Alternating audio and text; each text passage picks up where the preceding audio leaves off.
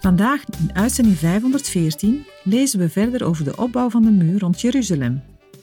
De vorige keer hebben we gelezen wie aan welk gedeelte van de muur werkte. Overal vandaan zijn Judeërs gekomen om te helpen bij de herbouw van de muur. Opvallend is de vermelding van de leiders uit Tekoa. Zij wilden hun schouders niet onder het werk zetten. Het is geen eervolle vermelding waarmee ze in de Bijbel genoemd worden. Nehemia zegt er niets van. Hij richt zich op degenen die wel willen meewerken. Ook mensen die op zich een heel ander beroep hadden, bouwen mee aan de muur om de stad van God. Het was voor hen geen alledaags werk, maar ze waren bijzonder toegewijd om mee te helpen aan het werk van God. Wanneer we werk doen vanuit die motivatie, helpt dat om door te zetten. Ook als het eens niet wil lukken of wanneer het werk te groot lijkt, dan mogen we daarmee naar de Heer zelf toegaan en van Hem nieuwe kracht verwachten. Het is een heel verschil of we een taak uitvoeren om andere mensen of om de Here. We hebben de vorige keer ook stilgestaan bij de verschillende poorten die in de muur gemaakt werden. Elke poort had een eigen naam. Een rondje over de muur langs die poorten zegt ook iets over aspecten uit het christenleven. Wanneer u dat gemist heeft, kunt u het via onze website opnieuw beluisteren, downloaden of nalezen.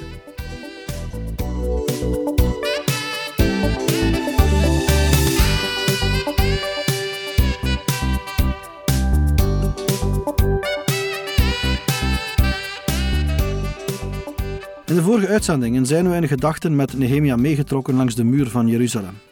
Nehemia heeft als leider velen kunnen motiveren tot het eensgezind werken aan het herstel van de muur rondom Jeruzalem. Ruim 40 projecten werden gelijktijdig gestart en afgerond in ongeveer twee maanden. In de beschrijvingen krijgen we veel informatie over de geografie van Jeruzalem en over de provincie Jehud. Uit allerlei plaatsen van de provincie komt hulp, zodat Jeruzalem wordt hersteld en de smaad en schande wordt weggenomen. De lijsten uit Ezra 2 en Nehemia 7 geven een globaal beeld, maar zijn niet bedoeld om het Joodse gebied in de 5e eeuw voor Christus nauwkeurig af te bakenen. Daarvoor zijn archeologische vondsten een meer nauwkeuriger bron voor de reconstructie van de grenzen. De lijst in Nehemia 3 omvat ook steden en dorpen buiten de provincie. Bijvoorbeeld de plaatsen in en rond het dal van Ono. Het dal van Ono wordt ook genoemd in Nehemia 6 vers 2 en 11 vers 35.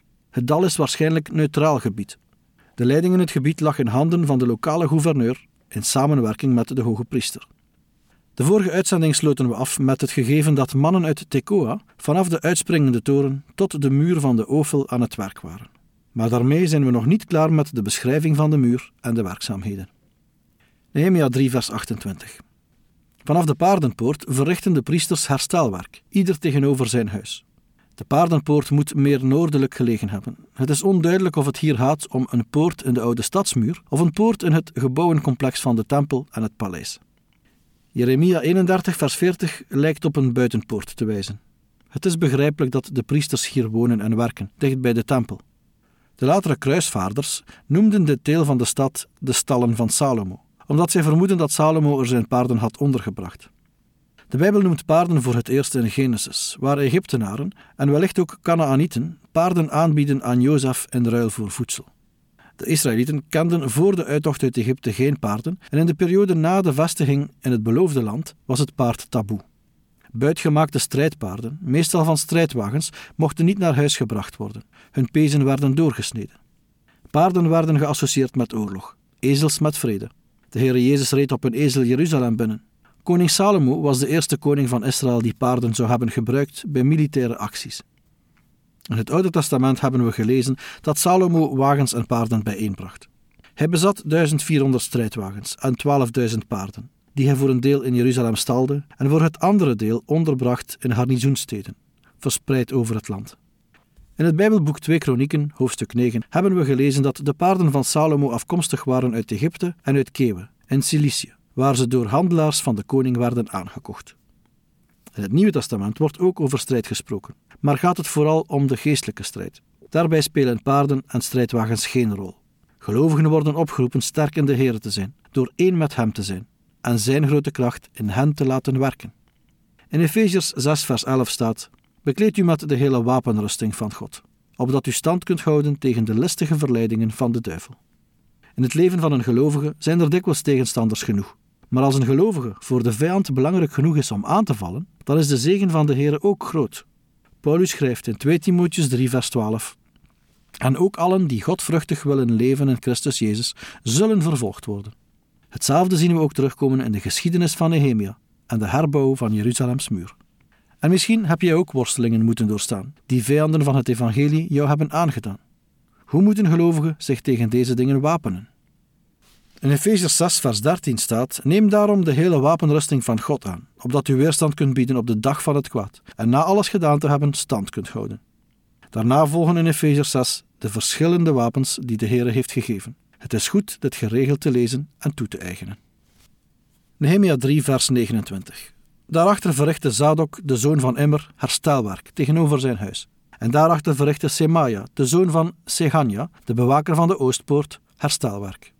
De Oostpoort is een van de meest interessante poorten van Jeruzalem. En daar wil ik graag wat verder over uitweiden. Dankzij Ezekiel weten we dat het om de Gouden Poort gaat. In Handelingen 3, vers 2 wordt de poort de Schone genoemd. Het is de oudste poort in Jeruzalem en ze geeft direct toegang tot de Tempelberg.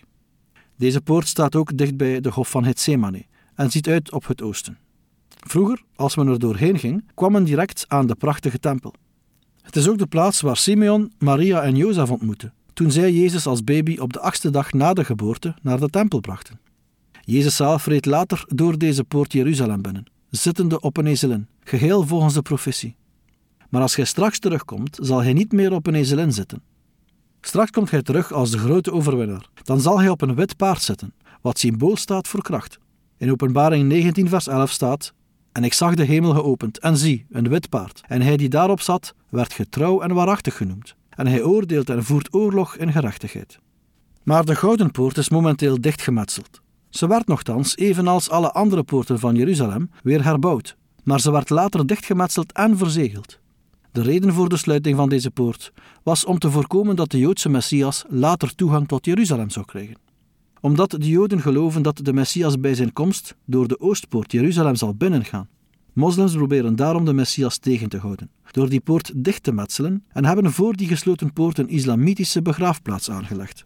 Ze geloven namelijk dat de Messias bij zijn komst nooit over een islamitische begraafplaats zal gaan, omdat hij zichzelf dan, volgens de Joodse wetten, zou verontreinigen. De Joden verwachten nog altijd de eerste komst van de Messias, maar een christen weet dat de Messias al gekomen is en verwacht zijn tweede komst, de wederkomst van Christus. De Oostpoort is nu al bijna duizend jaar afgesloten, maar Jezus is door niets en niemand tegen te houden. Hij zal zijn plannen uitvoeren. In het boek Openbaring, hoofdstuk 5, zien we hem met een verzegelde boekrol in zijn hand, en daarin staan al Gods plannen beschreven. Jezus verbreekt de zegels één voor één en voert dan uit wat in Gods plan is vastgelegd want hij is de koning der koningen. Maar wanneer zal de poort dan weer geopend worden? In Ezekiel 46, vers 1 staat: Zo zegt de Heere Heere. De poort van de binnenste voorhof, die naar het oosten gekeerd is, moet op de zes werkdagen gesloten blijven, maar op de sabbatdag geopend worden. Ook op nieuwe maansdag moet hij geopend worden. We moeten dit als een profetie zien, die gaat over de wederkomst van Jezus. De zes werkdagen slaan op de periode vanaf Adam tot Jezus' wederkomst. De zevende dag is de periode die aanbreekt nadat de 6000 jaar geëindigd zijn. De Bijbel leert ons dus dat er na de wederkomst van Jezus Christus een vrederijk zal zijn dat duizend jaar zal duren. Dan zal dus de poort geopend worden, op het moment waarop Jezus duizend jaar als vredevorst zal regeren hier op de aarde. Op die dag zal de poort opengaan en zal Jezus als de koning der koningen door de poort Jeruzalem binnengaan. Jezus zal dus op een dag terugkomen, net als hij vertrok. De vervulling van deze profetie komt steeds dichterbij. Zorg daarom altijd dat je klaar bent om Hem te ontmoeten. In Matthäus 24, vers 44 staat: Wees ook u daarom bereid, want op een uur waarop u het niet zou denken, zal de zoon des mensen komen. En in 1 Thessalonicensen 4, versen 16 en 17 staat: Want de Heere zelf zal met een geroep, met de stem van een aartsengel en met een bazuin van God neerdalen uit de hemel. En de doden die in Christus zijn, zullen eerst opstaan. Daarna zullen wij, de levenden die overgebleven zijn, samen met hen opgenomen worden in de wolken, naar een ontmoeting met de Heer in de lucht. En zo zullen wij altijd bij de Heer zijn. Met dit nieuws kunnen we elkaar troosten en bemoedigen. Een dichtgemetselde Oostpoort kan zijn komst niet tegenhouden. Nehemia 3, vers 30. Daarachter herstelden Hanania, de zoon van Selemja, en Hanun, de zesde zoon van Zalaf, een tweede gedeelte. Daarachter verrichtte Mesulam, de zoon van Berechia, herstelwerk tegenover zijn kamer. Van deze bouwers weten we niet veel meer dan hun namen, maar hun namen zeggen wel iets over hun verbondenheid. Hanania betekent Yahweh heeft begunstigd, en Hanun betekent begunstigd. Mesulam heeft eerst meegewerkt aan het herstel van een ander stuk van de muur, zie vers 4, maar hij verwaarloost zijn eigen leefruimte niet. De genoemde kamer zal een officiële kamer zijn, zoals de kamers die in de tempel aanwezig waren. Tobia, die door een huwelijk verwant was met Mesulam, kreeg later een dergelijke kamer in de tempel. Nehemia 3, vers 31. Daarachter verrichtte Malchia, een edelsmed, herstelwerk, tot aan het huis van de tempeldienaren en de handelaars, tegenover de poort van Mifkat en tot het bovenvertrek van het hoekpunt. De tempelknechten woonden elders. Het gebouw werd mogelijk gebruikt wanneer zij in de tempel dienst deden. Zij deelden het met de handelaren, mogelijk omdat deze laatste groep zaken verkocht die nodig waren voor de tempel en de offerdienst. Het bovenvertrek of de bovenzaal lag mogelijk bovenin een verdedigingstoren in de noordoostelijke hoek. De poort van Mifkat wordt ook wel de wachtpoort genoemd. Het woord Mifkat betekent onder andere inspectie. De wachtpoort was de plaats waar binnenkomende vreemdelingen werden gecontroleerd. Als het leger door de wachtpoort was uitgetrokken om de strijd aan te gaan en later terugkeerde, moesten de teruggekeerde soldaten door de wachtpoort de stad weer binnengaan. Bij de wachtpoort controleerde David zijn manschappen na terugkeer van het slagveld. Daar bedankte hij hen en waren zijn soldaten blij dat zij hun koning weerzagen. Nehemia 3, vers 32. Tussen het bovenvertrek van het hoekpunt tot de schaapspoort verrichten de edelsmeden en de handelaars herstelwerk. Hiermee is de beschrijving van de muur van Jeruzalem rond en zijn we weer terug bij de schaapspoort, die in vers 1 is genoemd. In Nehemia 12 worden de meeste poorten opnieuw genoemd. De beschrijving in Nehemia 3 vermeldt ruim 40 verschillende stukken van de muur waaraan gelijktijdig is gewerkt. Nehemia wordt in dit hoofdstuk niet genoemd als organisator, maar het is duidelijk, vanuit de vele details, dat hij de zaken grondig doordacht en aangepakt heeft. Het is hem gelukt om veel mensen te bereiken bij dit grote project, zowel Joden die waren blijven wonen in het land, als teruggekeerde ballingen. Nehemia heeft iedere groep een bepaald gedeelte van de muur toegewezen. Een gedeelte waarbij de groep zelf een bepaald belang had, zoals priesters bij de tempel en sommige mensen bij de muur tegenover hun eigen huis. De samenwerkingsverbanden zijn soms geografisch, soms naar beroep en andere keren naar familie ingedeeld. De groepsbelangen en het eigen belang waren ondergeschikt aan het grote doel. Zelfs mensen van ver weg, die minder persoonlijk voordeel hadden, deden mee. De samenwerking is een van de duidelijkste kenmerken van het ideaal van een gemeenschap, kerk of gemeente. Toch deed niet iedereen mee, zoals blijkt uit de houding van de leiders uit Tekoa. Het herstel van de muur vond in korte tijd plaats, in 52 dagen.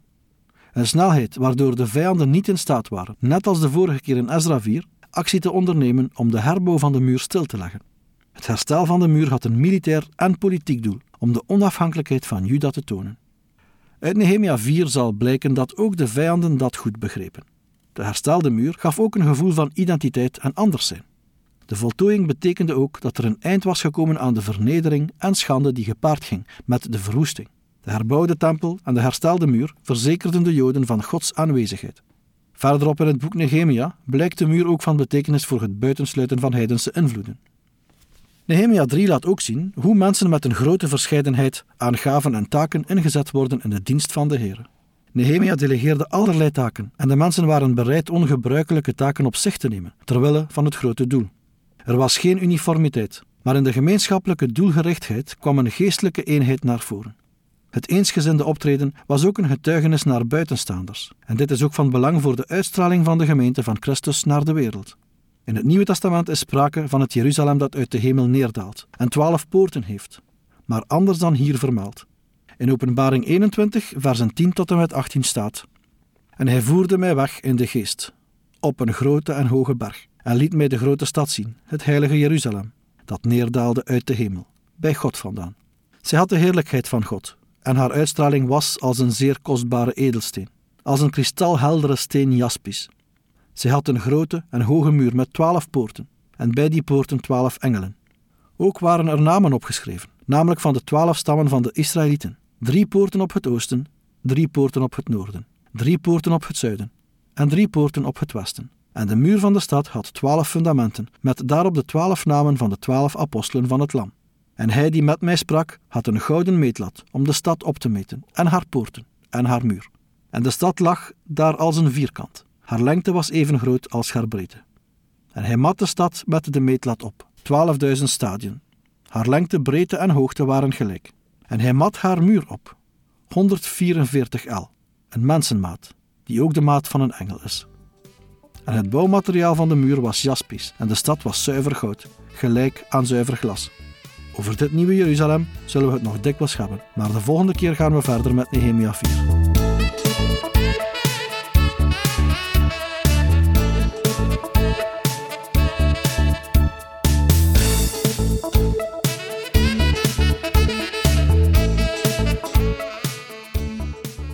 Heeft geluisterd naar Door de Bijbel, een programma waarin we in vijf jaar tijd de ganse Bijbel bespreken.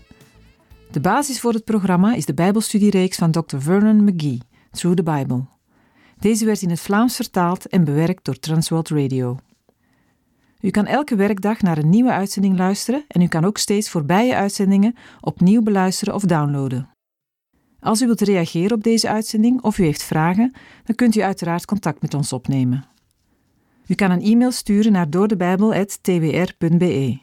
Verder kan u op onze site terecht, www.twr.be, voor meer info en het beluisteren van onze overige programma's. Dit programma werd gepresenteerd door Patrick Couchement en Anne Notenboom. Wij danken u voor het luisteren en graag tot een volgende keer.